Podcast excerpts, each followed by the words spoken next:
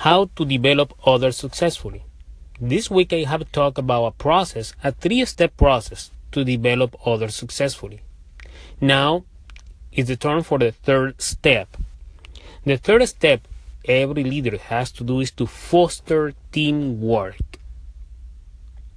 This step is critical because it's where new skills and behaviors interact at team level.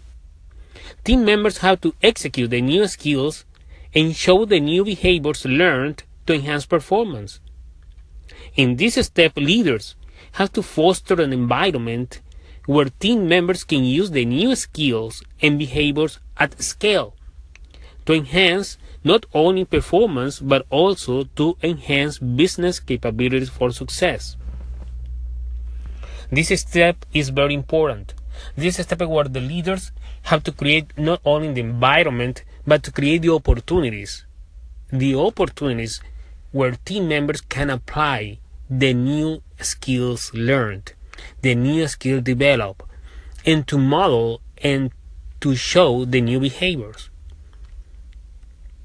It's easy to understand that the organization needs these capabilities. It's easy to figure out what skills and behaviors we need to model so we can meet the capabilities requirements for the organization to succeed. But the most critical step is when those skills and behaviors are executed, are executed at individual and at team level.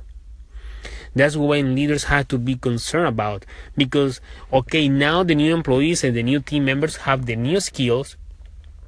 They have learned behaviors that we need to model and behaviors that are required for us to succeed as an organization, but now you have to execute.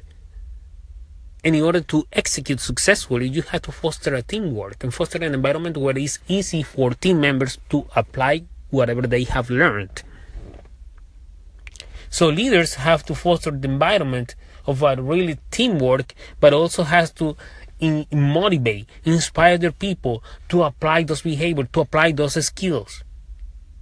And leaders have to create the opportunities where the team members can apply those new skills and those behaviors. That's critical. That that's very key. And you can get the training, you can get the speech, the video training, the the snack bite size content.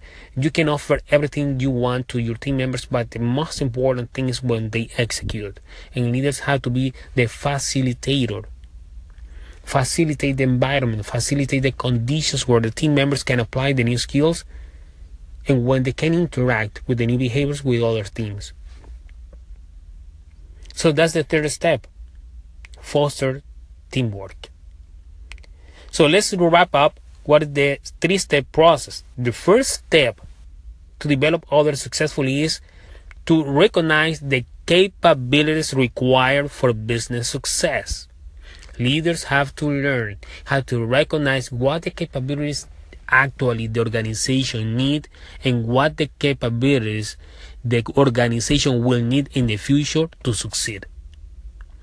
Step number two, once you recognize what the capabilities are needed, you have to design the skills and the behaviors we need to meet those capabilities and identify what the development needs are. And number three, once you recognize the capability of the organization, once you decide what the needs you have to develop, what skills you need to develop, what behaviors you need to model, now you have to apply. You have to execute. The leader has to foster teamwork for execution of the new skills and behaviors to meet the capabilities requirement for the business to succeed. Simple. It's a three-step process. Just execute. And you will develop others successfully. What do you think? Build and battle. Until the next time.